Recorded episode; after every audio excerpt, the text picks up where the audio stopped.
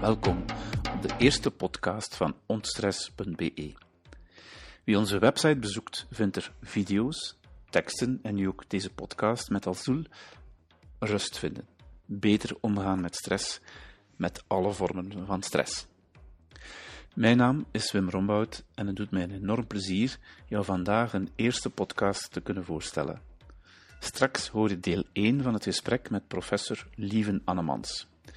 Professor Annemans is gezondheidseconoom aan de Universiteit Gent en ontvangt mij in zijn kantoor voor een gesprek over zijn nieuwste boek. Het boek draagt de naam Geluk vinden zonder het te zoeken. Ik vond het een intrigerende titel en een zeer boeiend werkstuk. Professor Annemans zal je met zijn inzichten en tips dichterbij geluk vinden zonder het te zoeken kunnen brengen. Maak het je gemakkelijk en geniet van het gesprek. We zijn vertrokken voor 30 minuten. Oké, ik ben hier in het bureau van Lieven Annemans, gezondheidseconoom en licentiaat lichamelijke opvoeding. Dus uh, we hebben toch wel wat gemeen. Ik ben in oude termen uitgedrukt regent lichamelijke ja. opvoeding. Want ik ben begonnen met psychologie te doen in Leuven. En dat uh, is wat mislukt met statistiek. En dan heb ik de keuze gemaakt, hm, ik ga mij daar niet in vastbijten waar ik geen talent voor heb. Ik heb talent voor iets anders. Ja. Dus we hebben wel wat gemeen. En wat we ook gemeen hebben is uh, onze overtuiging dat er mits um, de juiste aanpak mensen een, een, deel, een groot deel gelukkiger kunnen worden. Klopt dat, lieve? Ja, inderdaad. Uh, ik schrijf dat ook op een bepaald moment. Geluk is maakbaar. Uh, natuurlijk, je kunt dat ook verkeerd interpreteren in de zin van oei, als geluk maakbaar is en ik ben niet gelukkig, dat is teken dat ik gefaald heb. Maar dat is niet zo. Dus het is zeker niet de bedoeling van iemand schuldgevoelens aan te praten van als je niet gelukkig bent, dat is dat uw fout. Nee, maar het is eigenlijk, eigenlijk is het om aan te geven, uh, we kunnen inderdaad gelukkiger worden, niet door er absoluut naar te streven, obsessief naar te streven zoals sommigen, maar door aan een aantal touwtjes te trekken, een paar dingen in je leven te veranderen. En dat gaat dan soort van indirect positief effect geven, namelijk dat je gelukkiger gaat worden. Dat is het idee. Wel, want ik heb uw boek gelezen, Geluk vinden zonder het te zoeken. Mm -hmm. De titel alleen al zegt iets. Uh, zit het ergens in de richting van Taoïsme? Of? Ik heb mij nogal geïnspireerd op, op een aantal uh, boeken die mee vanuit het boeddhisme komen. Een van mijn zonen heeft filosofie gestudeerd en heeft zijn thesis gemaakt over altruïsme vanuit een boeddhistische visie en altruïstisch uh, gedrag van eerder een westerse visie. En daardoor heb ik, ben daar een beetje ook ingetuimeld. Uh, ook vrij veel onderzoek gedaan natuurlijk, vooraleer dat we zelf met onderzoek begonnen zijn. En daar kwamen toch ook vooral die dingen in terug. En ja, de titel wil inderdaad dan aangeven, zoals men ook denk ik in het boeddhisme aangeeft, dat is als je je geluk obsessief nastreeft zonder u te bekommeren om anderen, dat dat eigenlijk een dwaling is. Dat je dan uh, misschien er eerder ongelukkiger uh, van gaat worden. Ja. Wel, dat is mij ook opgevallen bij het lezen van het boek, dat het in elke uh, metafoor of elk verhaaltje of anekdote die je aanhaalt, dat die rode draad daarin zit. Dat altruïsme komt er dan in een bepaald hoofdstuk wel mm -hmm. specifiek uit, maar dat zit er van in het begin. In. Ja, ja, ik wil zeker ook de wederkerigheid aangeven. Ja. Op een bepaald moment heb ik geschreven, dit is geen ik-boek over geluk, want er bestaan heel veel ik-boeken over geluk. Hoe kan ik gelukkiger worden? En ik dit en ik dat. Mm -hmm. Maar het is een wij-boek over geluk, waarin dat ik eigenlijk wou aangeven dat je... Ja, gelukkig worden, dat, dat kan je alleen maar dankzij de anderen. Dus je hebt daar anderen voor nodig. En we hebben dus elkaar nodig, daar zit dus die, die mm -hmm. wederkerigheid in. Ja. Mm -hmm. Want dat is wat mij uh, opvalt. Ik ken u als gezondheidseconoom. Mm -hmm. uh, weet nog, uh, seminarie bij de onafhankelijke ziekenfondsen, ja, ja sprekers, ik als de pauzeknop indrukken en mensen laten ontspannen enzovoort. Ja. Um, dus daar heb ik u zeer analytisch en uh, terecht uh, richting preventie willen spreken. Ja. Dat de kost van de gezondheid naar beneden kan via preventie. Ja. Toen hadden we al een goede bal, die ja. zijn we tien jaar later misschien. Ja, ja, ja inderdaad. En uh, het voelt weer als een heel goede bal. Ja. Maar waar combineer je geluk, wat uw boek helemaal echt wel goed ontrafelt en toch ook weer goede tips geeft, mm -hmm. maar waar combineer je dat dan met die gezondheidseconoom zijn? Ja, ja. Goh. Gezondheidseconoom ben ik al, al meer dan 25 jaar. En uh, trouwens, daar zijn veel mensen die daar ook een misverstand rond hebben rond gezondheidseconomie. Eigenlijk gaat dat in de eerste plaats over gezondheid. Dus hoe kunnen we zoveel mogelijk mensen zo gezond mogelijk uh, houden of maken? Wetende dat we niet al het geld van de wereld hebben om aan gezondheid of aan gezondheidszorg te besteden. Dus daar komt dan dat economische. En dan is het meer de redenering binnen de gezondheidseconomie. Oké, gezondheid is heel belangrijk. Uh, hoe kunnen we de juiste keuzes maken in het gezondheidsbeleid om ervoor te zorgen dat er met het beschikbare geld toch zoveel mogelijk gezondheid kan gecreëerd worden voor, voor de mensen. Dat is eigenlijk waar dat gezondheidseconomen dagelijks mee bezig zijn. En uh, dat kan over van alles gaan. Hè. Dat kan over uh, uh, hoeveel moeten we investeren in, in preventie. Hè. Gezonde voeding promoten, lichaamsbeweging promoten. Maar dat kan ook gaan, er komt een nieuw geneesmiddel. hoeveel kost dat geneesmiddel? wat zijn de baten van dat geneesmiddel? Als dat veel te duur is voor wat het waard is, dan zeggen wij ook als gezondheidseconoom, ja, sorry, maar dat zou verloren geld zijn als je dat geneesmiddel gaat terugbetalen. Tenzij dat die fabrikant bereid is de prijs te laten zakken, bijvoorbeeld. Dus dat is ook gezondheidseconomie. Dus er komt heel veel bij te kijken. Maar doordat gezondheid primeert, hebben wij ook in gezondheidseconomie heel veel onderzoek gedaan naar hoe meet je dan gezondheid? Hoe, hoe bepaalt je of iemand al dan niet gezond is? En dan kom je heel dicht bij het concept kwaliteit van leven. Eh, als je voldoende kunt functioneren, kunt, kunt bewegen, je dagelijkse activiteiten doen, je ervaart geen of weinig pijn, ja, dat draagt allemaal bij tot je gezondheid, maar dat heeft ook te maken dan met een kwaliteit van leven. En in de gezondheidszorg hebben wij zelfs een concept uitgewerkt en dat heet gezondheidsgerelateerde kwaliteit van leven. Omdat we eigenlijk zegden, ja, we kunnen niet de ganse kwaliteit van leven van mensen beïnvloeden. Hè. Je kunt maar aan de gezondheid werken, maar als die daarnaast een slechte relatie hebben met hun partner, dan kunnen wij vanuit de gezondheidseconomie niks aan doen.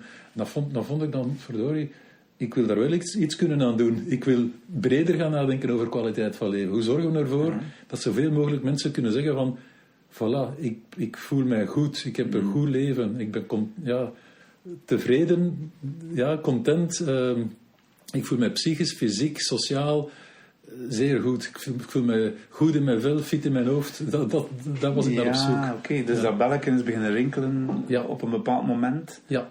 Omdat je zei van het is niet alleen maar die medicatie berekenen en iemand van 85 jaar. Uh... Ja, ik vond gezondheidseconomie puur een beetje te beperkt. De invulling van gezondheid een beetje te, te beperkt. Mhm. En ik wou gaan kijken van, ja, maar hoe, stel nu dat je zou zeggen, uh, vinden we een manier om meer mensen gelukkig te maken. Gelukkig in de zin van een gelukkig bestaan te hebben. Hè. Uh, gewoon dat je kunt zeggen van, ja, ik ben een gelukkig persoon. Stel je voor dat we dat voor veel meer mensen zouden kunnen, kunnen realiseren. Dat was eigenlijk mijn, mijn betrachting. Ik heb daar al commentaren op gehad van, ja, uh, veel succes. Uh. Ja, zoals, ja, veel succes. Ja, ja, ja, zo van, allee, je denkt toch zeker niet dat je de wereld gaat kunnen verbeteren. Ik zeg maar, je kunt maar proberen van iets te veranderen en iets te verbeteren. Hè. Maar dat merk ik ook in jouw boek, um, in, in, de spirituele... Uh, in het spirituele deel van hmm. mijn activiteiten, dat is teambuilding. En teambuilding is, oké, hoe kunnen we beter connecteren met elkaar. Ah, door uh, in plaats van WhatsApp uh, ons eigen platform te gebruiken. Ja. Uh, korter, krachtiger, duidelijker communiceren. Al mhm. die zaken. Mm Tamelijk rationeel. Ja, ja. Maar het spirituele deel van, ah, hoe kunnen wij nog meer connectie maken? Ook informeel, ook elkaar een keer aanmoedigen, respect tonen. Die dingen, ah, dat vind ik allemaal terug in uw boek. Ja.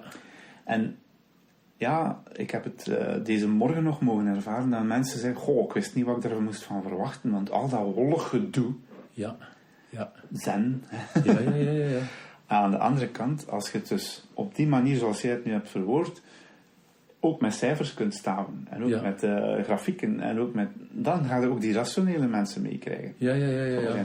ja, ja, ja, En dat vind ik nu zo boeiend, daarom dat ik u eh, die vraag echt wel wil voorleggen vandaag is oké, als gezondheidseconoom geluk, maar mhm. hoe belangrijk is geluk? Sorry, ik draai het om. Hoe belangrijk is gezondheid om je gelukkig te voelen? Ja, ja. Ik zou er ook heel lang kunnen over vertellen, maar ik ga het proberen kort te houden. Mhm. Ehm, gezondheid is een van die bouwstenen of pijlers, hoe dat we het ook noemen, die kunnen helpen om gelukkiger te zijn. Met andere woorden, iemand die voldoende gezond is, we moeten voor belangen niet perfect gezond zijn, maar als je voldoende Ja. gezond bent om te kunnen functioneren, om te kunnen participeren, om met andere aangename relaties aan te gaan enzovoort. Ehm, als je dat hebt, dan, dan kan je al één, bij wijze van spreken, vakje aanvinken om, om ja, om te, dat, die- dat past dan bij de formule om gelukkig te kunnen zijn. Dus een, Ja. van de, een van de bouwstenen, zogezegd, van gelukkig te kunnen zijn.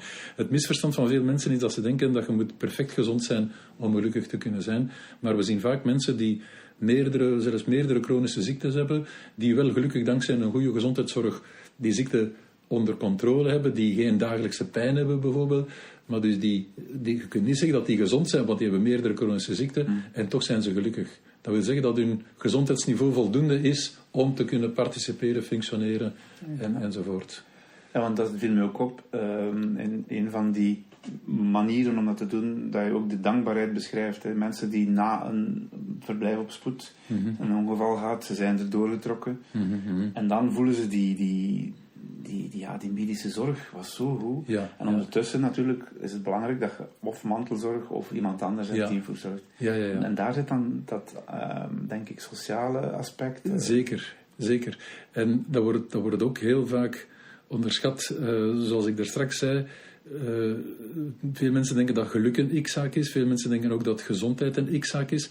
Maar in de definitie van de Wereldgezondheidsorganisatie spreken ze expliciet ook van sociaal welbevinden. Met andere woorden, weer al de interactie met, met anderen is, is eh, cruciaal om, om, om positief gezond te zijn. Ja. Ja, dat is waar. Want ik, bij het lezen kwam ik ook op een ander eh, thema, is de, de blue zones in de wereld. Dat is jullie wel bekend. Ja, ja, ja, inderdaad. Ehm, daar wordt men niet alleen ouder dan het gemiddelde, want de top van de blue zones, hè, maar anders Sardinië, hè, Ja. zit daarbij. Ja, ja. Ehm, wat maakt dat die mensen dus langer gezond blijven en dus ook langer leven? Eh, ja, je ziet daar verschillen. Ze hebben ze, het is niet dat al die blue zones. eh, sommigen noemen het zelfs de blue zones of happiness, hè, omdat dat er, de mensen daar gemiddeld ook gelukkiger zijn. Ehm, denk bijvoorbeeld in Costa Rica, je hebt daar Carthago, je hebt in, in Denemarken, je hebt Aalborg. En eh, waar, als je gaat kijken naar de kenmerken, dat is, dat is niet hetzelfde. In Costa Rica ligt veel meer de nadruk op, op de goede sociale relaties. Die komen daar bijna dagelijks eh, samen. Community. De community, de community is daar zo belangrijk. eh, en, en die vieren veel feest ook, dus die amuseren zich. Eh, maar ze zorgen ook voor elkaar. Ze, ze, ze springen voor elkaar in de bres. En, en, en, en ze leven ook eigenlijk relatief gezond. Dat speelt daar allemaal in mee. In, in Denemarken bijvoorbeeld, daar zie je meer ehm, de, de nuchterheid, maar nuchterheid niet in de zin van puur serieus zijn, hè, maar de dingen kunnen relativeren. Ja. Ehm, niet per se een chique auto willen hebben, eh, niet, niet, niet, niet eh, standing en, en, eh, en reputatie enzovoort, maar, maar meer begrijpen wat dat echt gelukkig maakt. En dus daar laten ze zich bijvoorbeeld veel minder vangen in die wat wij dan noemen die hedonistische tredmolen. En zeggen van, ik moet dat kopen, want dan ga ik gelukkig zijn. En die verwarren dan, mensen die in die tredmolen terechtkomen, die verwarren genot met geluk. Die, die kopen dingen waarvan ze denken dat ze hun gelukkig maken.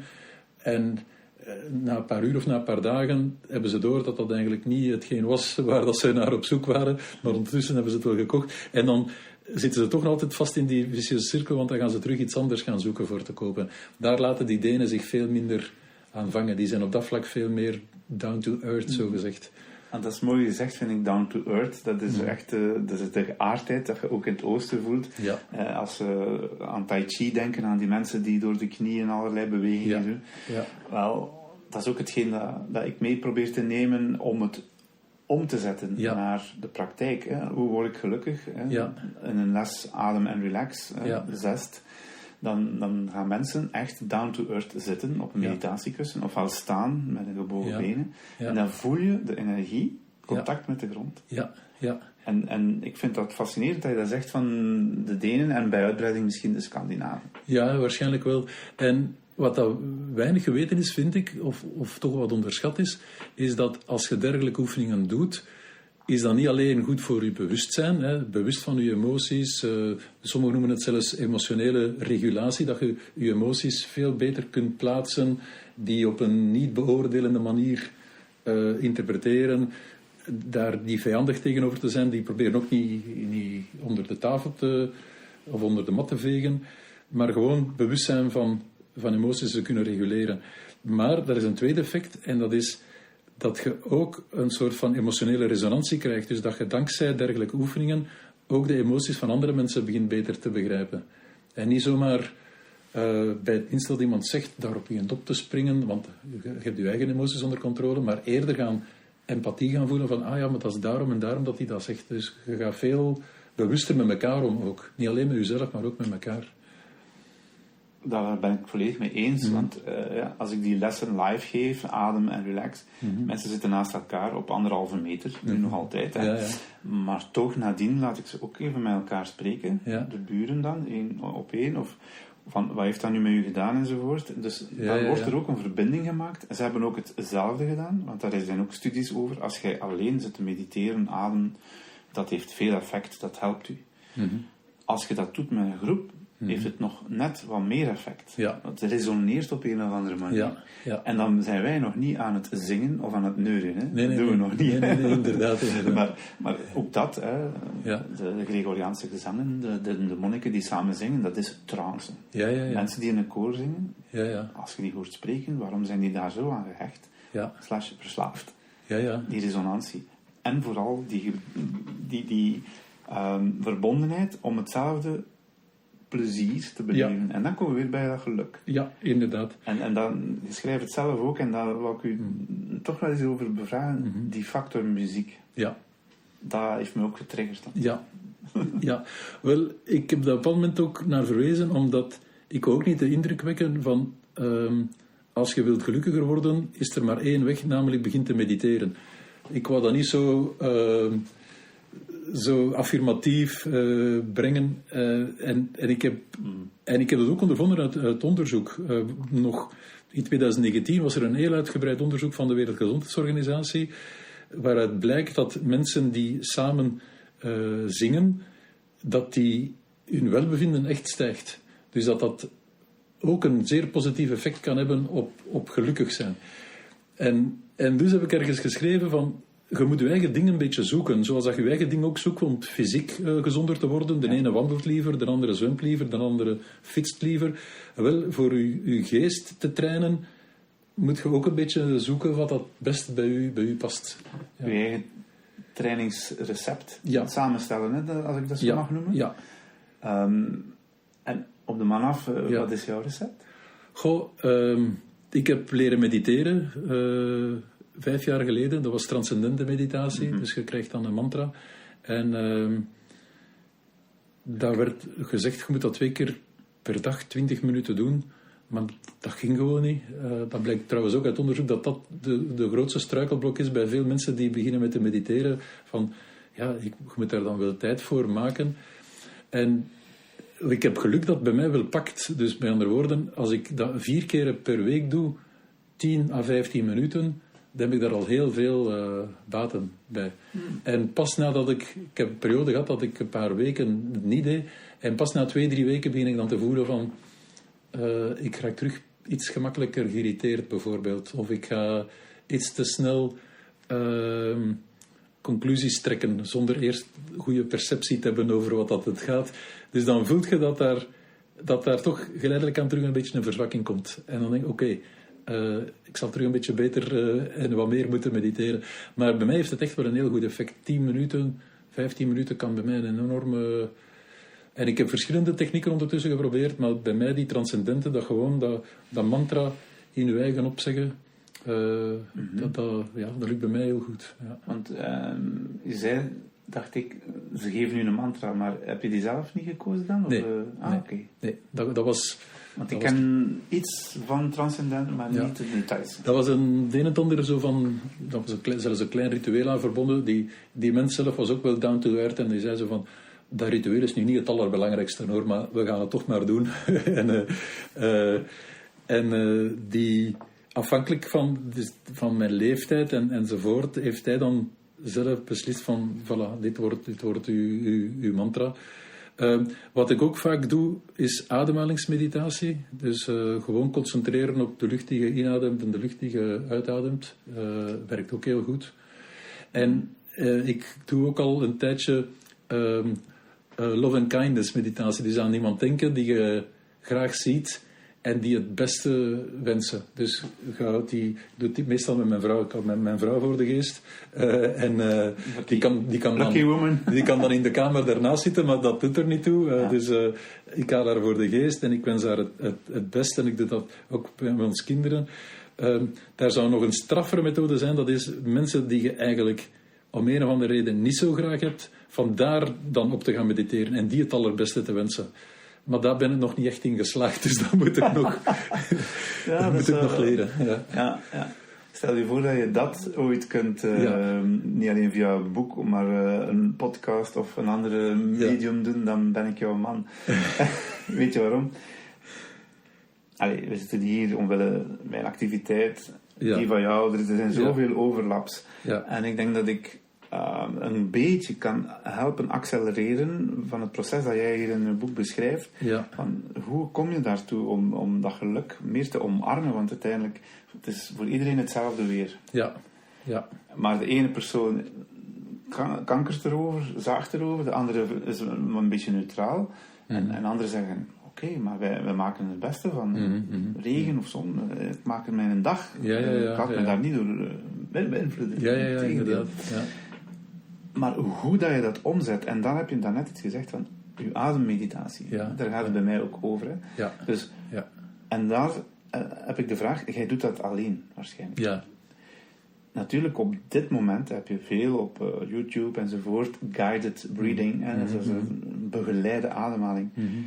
En ik ben echt wel benieuwd dat jij daar nu naar kijkt, omdat jij zegt, het doet wel iets met mij, Mhm, maar um, ja, het zal misschien ook weer een ander recept zijn. Mm -hmm. Dus uh, hoe, hoe, zie je dat? Ja, ik ga wel direct zeggen, ik ben, ik ben minder uh, fan van de apps en de dingen. Dus dat er, Headspace en zo. Ja, ja, dat is daar iemand met uh, een iets te perfecte Engels die u daar dan begeleidt. En ik, ik doe het liever, op band moet het wel leren, moet iemand u wel zeggen, uh, je doet dat best zo en, en zo, uh, maar, maar dan doe ik het liever gewoon, ja, puur natuur. En het feit dat ik het alleen doe, is, is natuurlijk gewoon omdat ik nogal een, een drukke uh, agenda heb en dat ik een beetje mijn momenten moet uitkiezen. Dus dan, dan, dan mm. ik, ik, zou niet graag hebben dat andere mensen van mij afhankelijk zijn om, dan, om dat moment dan uit te kiezen.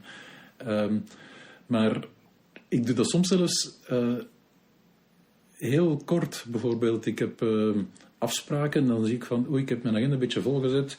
Uh, van 1 tot 2, van 2 tot 3, van 3 tot 4. En hmm. dan tussen die twee afspraken in, al was maar een minuut of twee minuten, even, ik ga nu niet de demonstratie doen, want dan is dat hier twee minuten stil. maar dat helpt ook direct. Dat helpt ook, zo bijna ogenblikkelijk. Ja. Daar ben ik het volledig mee eens. Ja. Ik doe het zelf ook. En de klanten die ik persoonlijk heb begeleid, mm -hmm. die doen het nu ook. Mm -hmm. Dus je kunt instant, en dat lijkt een paradox. Hè? Ja. Het is een paradox. Het is uh, instant op 30 seconden. Ja. Als, een, een, voorbeeld is vier tellen in en zes tellen uit. Ja. Ja. Een ander voorbeeld is vier tellen in, twee houden en vier uit. Ja. En het is ook statistisch al uh, wetenschappelijk sorry, bewezen ja. dat de adem inhouden, dat dat ook uw immuniteitssysteem boost. Zeker. Want je maakt groeihormonen. Zeker, ja, ja, ja. En als ik dat uitleg aan mensen, dan zeggen ze, wauw, is dat zo? Ja, dat is zo. Ja, dus ja. je adem leren inhouden is ook goed. En als je ondertussen nog een keer in een meditatieve staat komt, Ja, in 30 seconden vooraleer dat je die telefoon opneemt of die Zoom-call start, ja. Ja, dan hebben we toch uh, samen een overtuiging, denk ik, dat dit, dit mogen wel meer mensen weten. zeker. Ik vind dat ook. En meer mensen mogen ook weten dat dat niet iets, iets uh, is of iets uh, zweverigs. Uh, dat, is, dat is pure wetenschap. Hè. Ja. Als je gaat kijken naar het wetenschappelijk onderzoek over de impact van meditatie, de, de verschillende vormen op, op het subjectief welbevinden van mensen, dus het zich echt beter voelen, ja, die, die wetenschappelijke bewijskracht is, is echt, is echt ja, heel, heel groot. En, uh, En dat is wat dan niet zoveel mensen weten. Het is, dank, dankzij onder andere de boeken van Steven Lorijs is dat ook wel, toch wel een beetje al in de algemene kennis uh, terechtgekomen. Hè. Maar uh, ik wil toch nog eens ter relativering zeggen van... Als je denkt van dat is niks van mij, dan zijn er nog altijd andere methoden. Hè. Ik ken ook mensen die, die hun, hun prefrontale cortex, want daar komt ik eens op neer. Dat is je prefrontale cortex ontwikkelen, mm zodanig dat je meer de zin krijgt voor reflectie, voor nuance, voor juistere perceptie. Dat speelt er allemaal in mee. Je wordt daardoor eigenlijk een beter mens. Uh, En ik ken ook mensen die dat doen door uh, bewust, als ze in de hof werken en, en uh, onkruid uittrekken, van daar bewust mee bezig te zijn. Ja. en op dat moment is een soort van mindfulness. En en dat is ook goed, hè? Als, als, als je het op die manier doet, waarom niet? Hè? Ja. Absoluut, hè? want uh, ik heb cursus gevolgd bij zen.nl. Ja. En daar um, zeiden ze dat ook. Hè? Dus dat is een zen-moment als jij je rustig met je onkruid kunt bezighouden. Ja. Als jij rustig je borden of je glazen staat af te wassen en af te drogen, omdat je zegt dat hoeft niet in de ja. Ja. Al die dingen die je dan bewust gaat doen en genieten van een moment, kijk eens, ja, ja, ja. zo properder. Voilà. Um, en, en ook na het lezen van uw boek, ja. ik heb een mooie tuin met, met wilde bloemen en ja.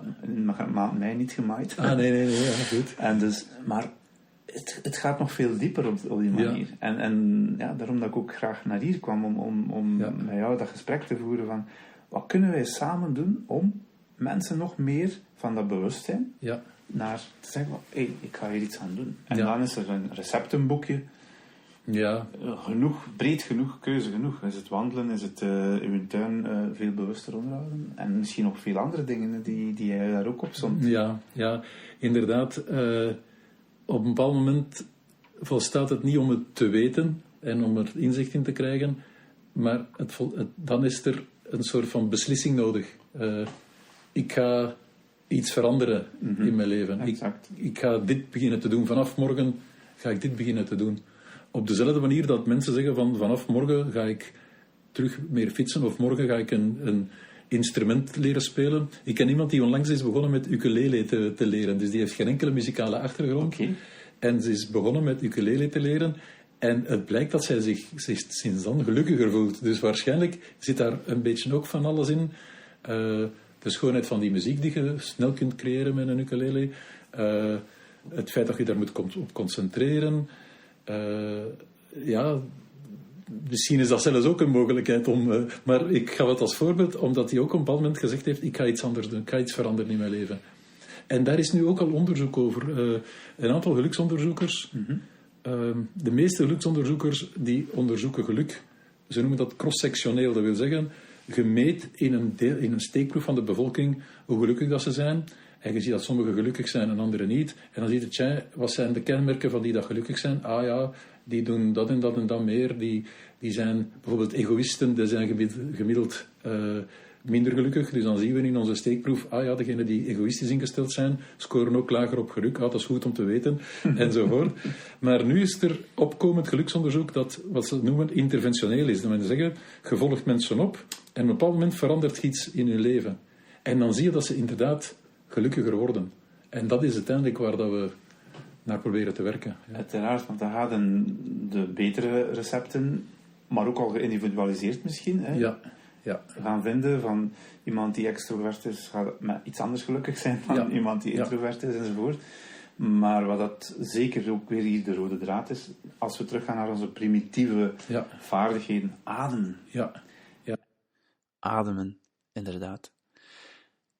Deel 2 komt er binnenkort aan, maar ondertussen kan ik u gewoon aanraden om eventjes alles te laten bezinken wat je gehoord hebt vandaag Eventjes rustig in en nog veel langer uitademen.